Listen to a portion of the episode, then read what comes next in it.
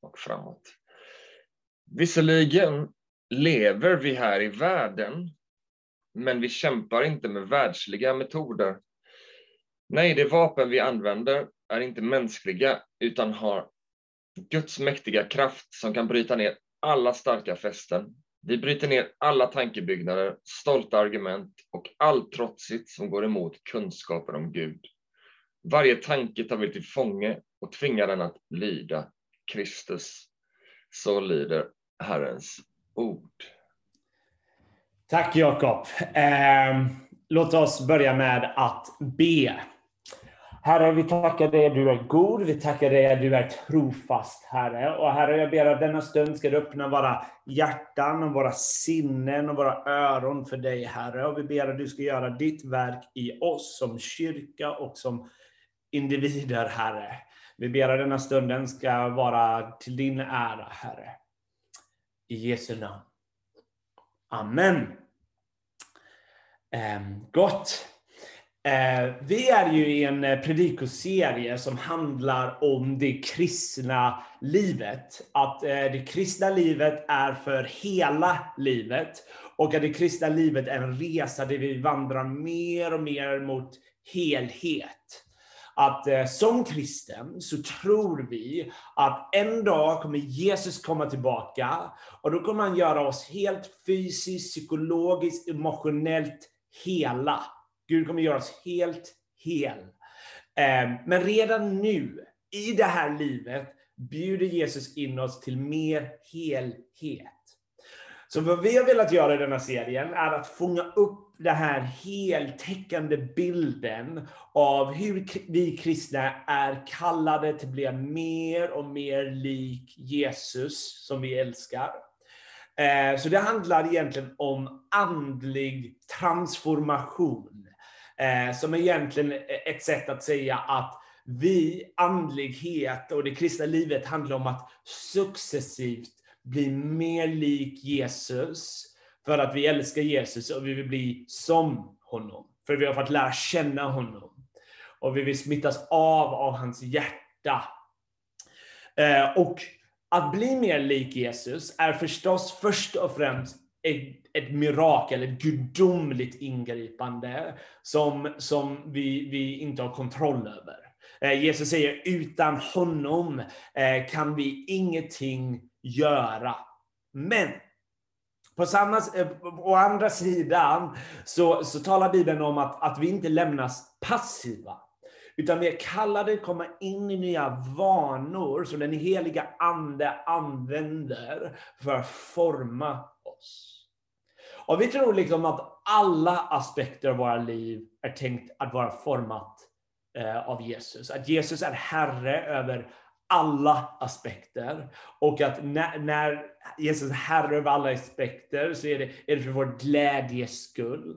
Så vi tror att vår böneliv, vår gemenskap, våra tankar, våra känslor, allt, är eh, allt detta är aspekter av, av, av Kristuslivet, där, där vi tänkte formas mer lik Jesus. Och, och, det jag ska prata om kort idag är egentligen framför allt våra tankar. Livet som pågår i huvudet. Jag kommer att sluta med väldigt korta reflektioner kring Bibeln, som Jakob sa, men vi kommer att prata mest om tankar, eh, vårt sinnelag. Eh, egentligen det här engelska ordet mind, som jag inte tycker det finns jättebra översättning på eh, svenska, eh, utan a Christian mind, ett kristet sinnelag. Hur börjar vi tänka mer likt Jesus?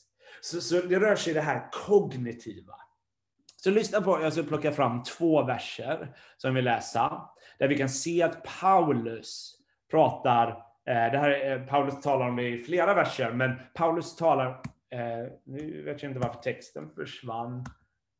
Eh, Okej, okay, här eh, gör den konstiga grejer. Den försvinner hela tiden. Okej, okay. det är något konstigt med min slide. Den bara försvinner i, eh, direkt. Um, ja, det var konstigt. Jag får bara läsa dem. Uh, det, det har aldrig hänt mig i Zoom att den bara syns i en halv sekund. I alla fall, i Filipperbrevet 2, vers 5, skriver Paulus så här. Låt ditt sinnelag råda hos er som också fanns hos Kristus Jesus. Alltså Jesus hade ett sinnelag, eh, mindset, liksom. Och det sinnelaget ska vara i oss. Och i Romarbrevet 12, vers 2, skriver Paulus så här. Anpassa er inte efter den här världen, utan låt er förvandlas genom förnyelsen av ert sinne, så att ni kan pröva vad som är Guds vilja, det som är gott och fullkomligt och behagar honom. Och det finns fler verser. Bibeln talar mer än vad man tror om våra tankar. Att andlig transformation har med våra tankar. För här försiggår väldigt mycket hur vi gör beslut, vad vi prioriterar, vad vi har för idéer. Vårt mentala liv är också del av vårt andliga liv. Och det är viktigt för kristen helhet. Den helhet som Jesus vill kalla oss till och forma. Eh, och det här kristna sinnelaget, det är inom vårt räckhåll. Det är inom vårt räckhåll att ta del av Kristi mindset, Kristi sätt att tänka. Så att vårt tankeliv är inte någonting annat eh, frånkopplat vår andlighet, utan det är kopplat till det där. Och därför är det inte konstigt om det finns motstånd i ditt huvud. Bibeln kan tala om att det till och med finns en kamp, en andlig kamp om vad som för sig går här inne. Det är exakt vad texten säger, som äh, inte Paulus, Jakob heter han. Jakob läste innan. Andra Korintierbrevet 10, där den försöker beskriva att det finns en andlig dimension av vad som för sig går här. Där det finns tankebyggnader som byggs i vårt huvud, som måste utmanas. För i vårt huvud, i våra tankar fastnar både tankar och idéer, bra och dåliga. Och vissa idéer, vissa tankar som kanske är felaktiga förståelser om Gud, om världen, om oss. Det är tankar som kan binda oss som nästan inget annat. Som kan förslava oss vi kan sluta släppa det och vi kan förledas. Vi kan köpa lögner som på något sätt fastnar i vårt huvud och gnager på vår själ. Som vill eh, ta ifrån oss vår frid och vår glädje. Så vårt tankeliv kan vara både utmanande och utmattande. Ehm, och därför är det viktigt att fundera på vad, hur vi tänker kring detta. För Jesus bjuder in oss till att inte bara älska honom med hela vårt hjärta, utan han säger att vi ska älska honom med hela vårt förstånd. Han bjuder in hela oss att rikta oss mot Gud. Och då är det viktigt att fundera, vad är det som föder bra och dåliga tankar? Och man hade kunnat säga, svara flera grejer på den frågan. Men ta till exempel Ordspråksboken friare, en, en klassisk vers där det står så här. Mer än allt som ska bevaras, bevara ditt hjärta. För därifrån utgår livet. Ordet hjärta på hebreiska innefattar inte bara våra känslor, som ofta ordet gör idag, utan det innefattar även tankelivet. Och, och, och vad, vad författaren säger är att vi måste bevara vårt hjärta. Vi måste beskydda vårt hjärta. För, för vad som kommer in i hjärtat kommer påverka vad som kommer ut. Att, att poängen är att all vår input kommer påverka vår output. Hur vi tänker, hur vi känner. Alltså vad vi matar oss med primärt kommer påverka hur vi tänker, hur vi agerar. Och här vill jag att ni ska höra mig rätt. För, för nu, nu kommer inte min poäng vara, nu ska inte kristna få mata sig med underhållning och sådana världsliga grejer. Eh, det är inte alls poängen eh, jag är efter. Men det är fortfarande viktigt att fundera, vad är det jag väljer att prioritera? Vad är det som jag inmatas med mest? om, eh, jag tror att kristna kan med all frihet använda sociala medier, Instagram, Netflix, underhållning. Absolut.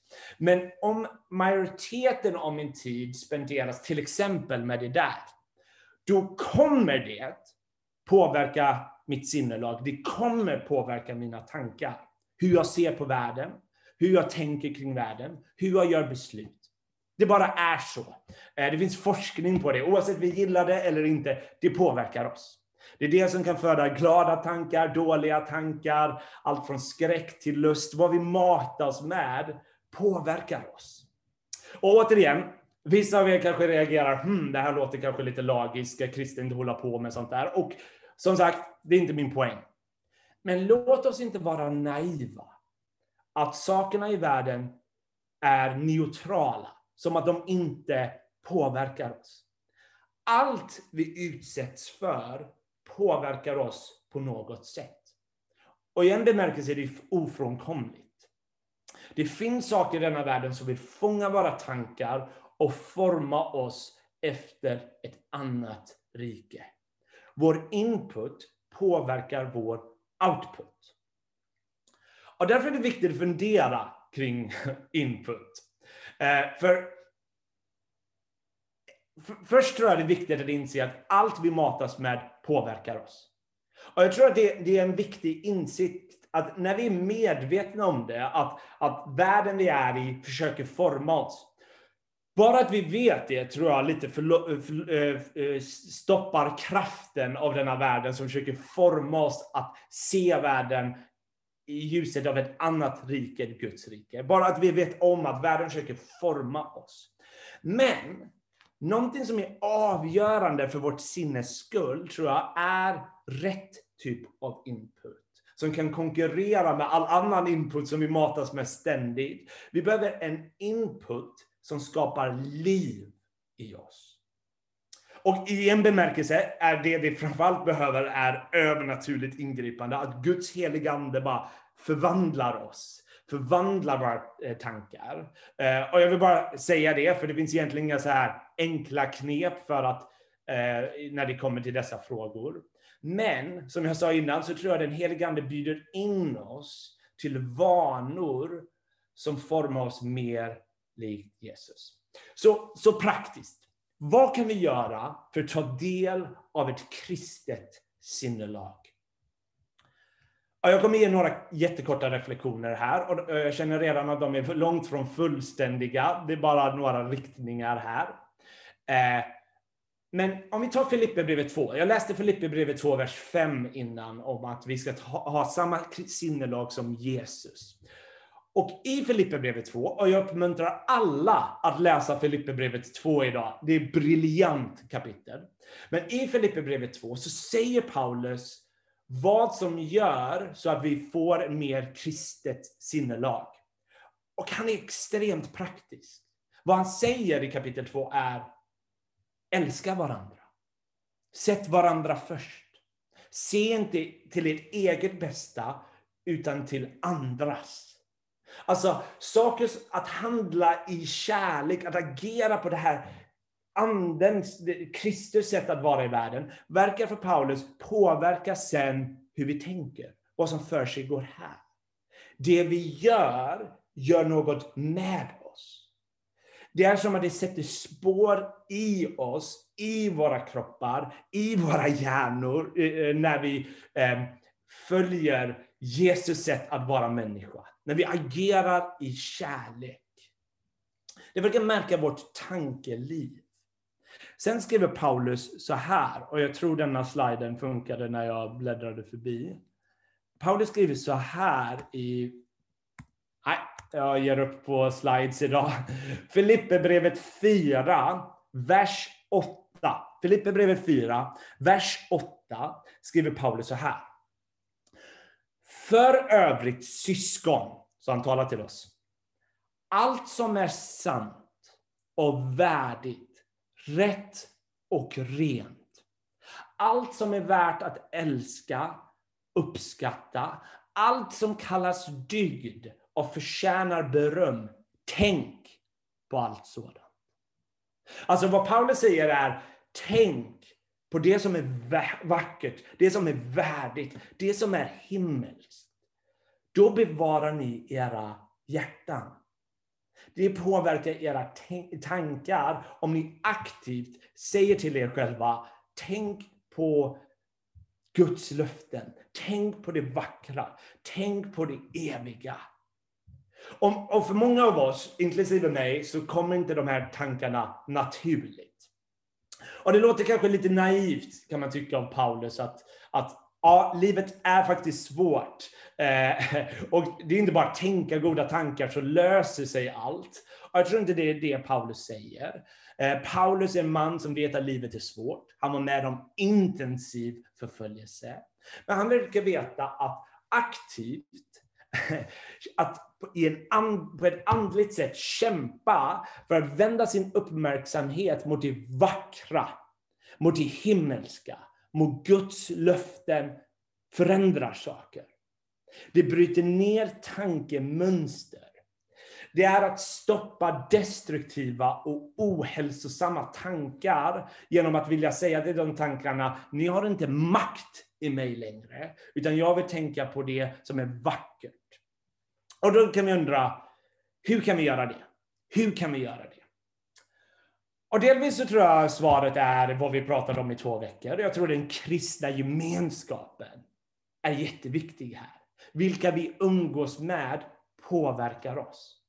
Andlig vänskap är så viktig.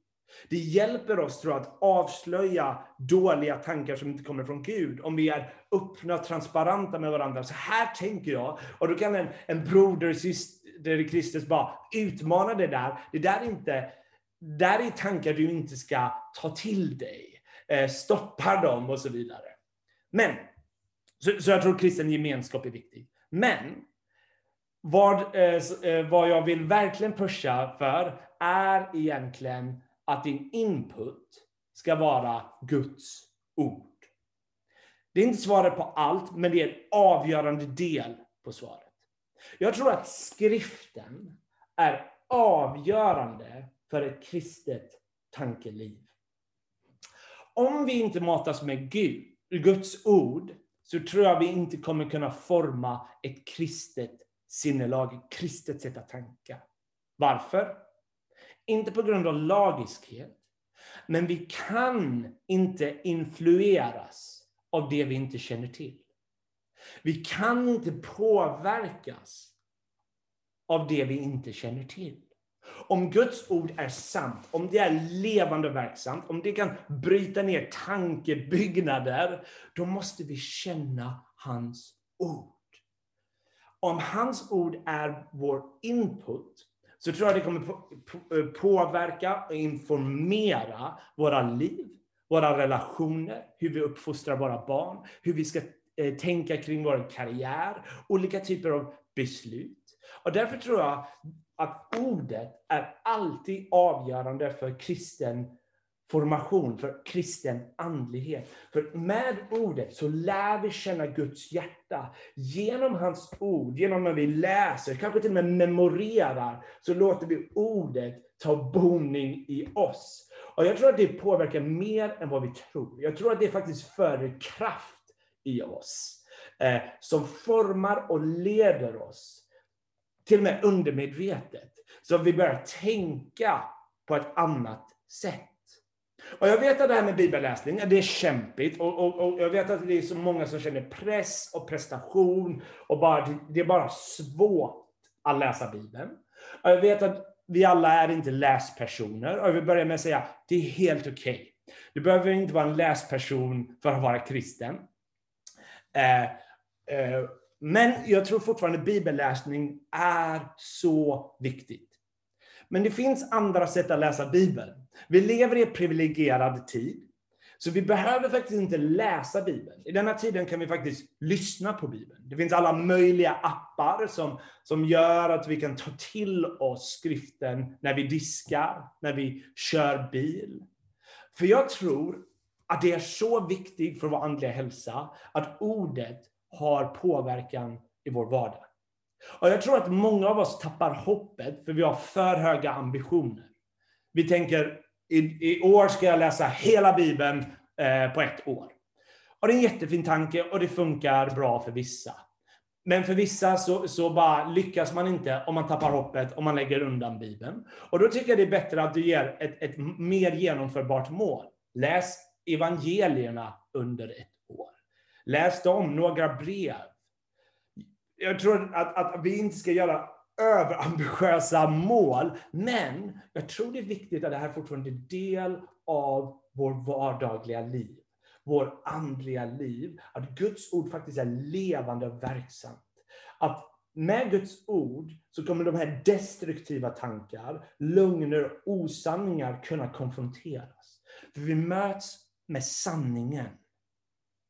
Och självklart löser inte Bibeln allt, för det finns jättemånga som är bibelsprängda och inte helt stabila. Eh, så det, det, vi behöver liksom den kristna gemenskapen, vi behöver lära oss eh, många grejer. Men Bibeln är fortfarande en avgörande bit. Och om Bibeln är svår för dig, läs den ihop med andra kristna. Du behöver inte lösa Bibeln själv.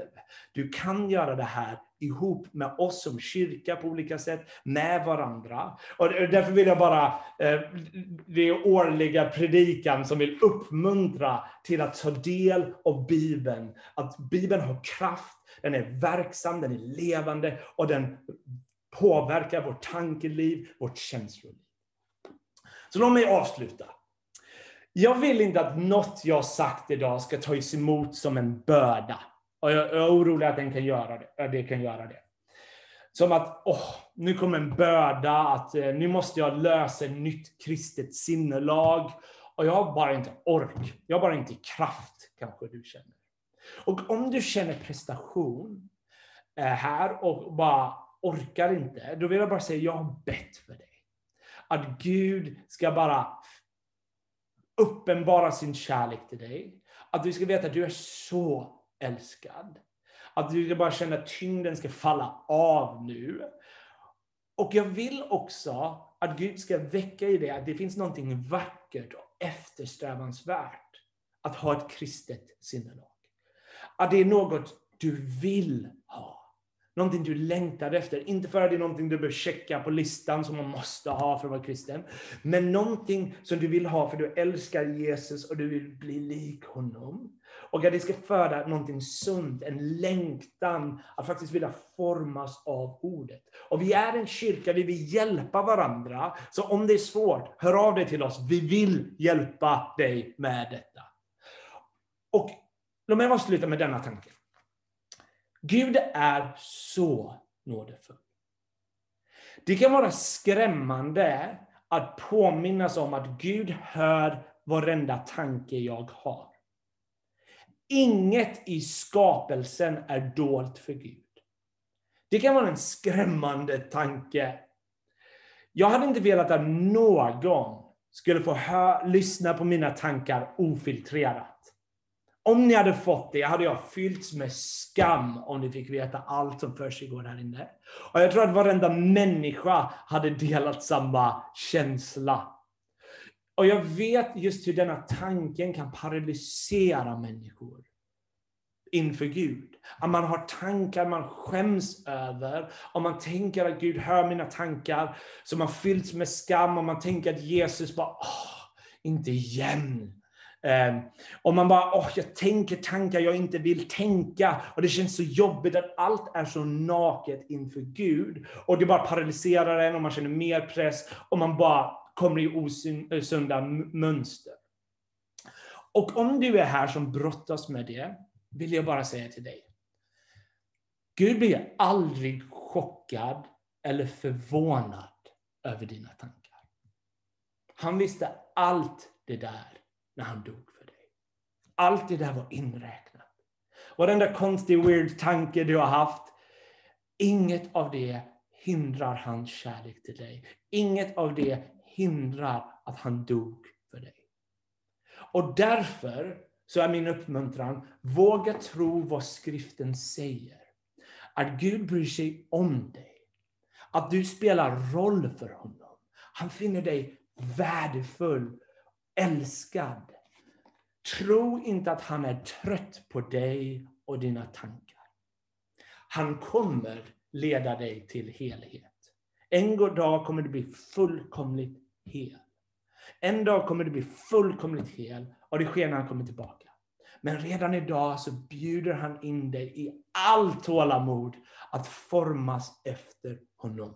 Han vet exakt vad som försiggår i ditt tankeliv och det är egentligen goda nyheter.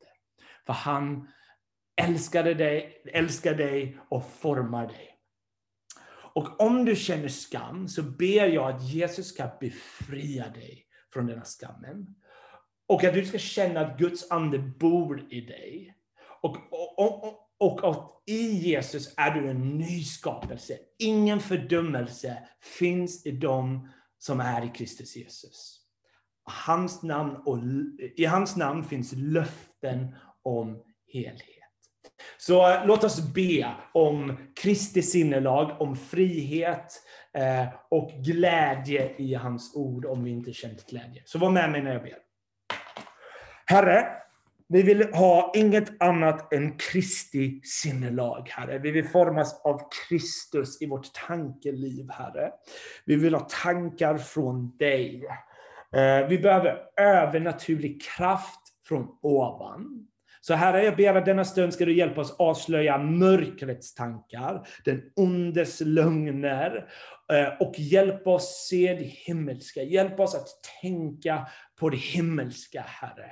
Herre, vi ber att du ska klä av oss skam, prestation och att vi ska bara känna frihet inför dig. Vi är söner och döttrar och inget kan ta ifrån oss den titeln. Och vi är fria i dig. Och Herre, vi ber att du väcker en övernaturlig längtan att vilja forma som dig, Herre. Och Herre, vi ber att de här tankarna som försöker få oss på fall, som försöker få oss att få panik eller ångest, Herre. Vi ber att du tystar dem och att vi får höra och se hur god och hur vacker du är, Herre. Herre, vi ber att du skapar glädje i ordet, Herre.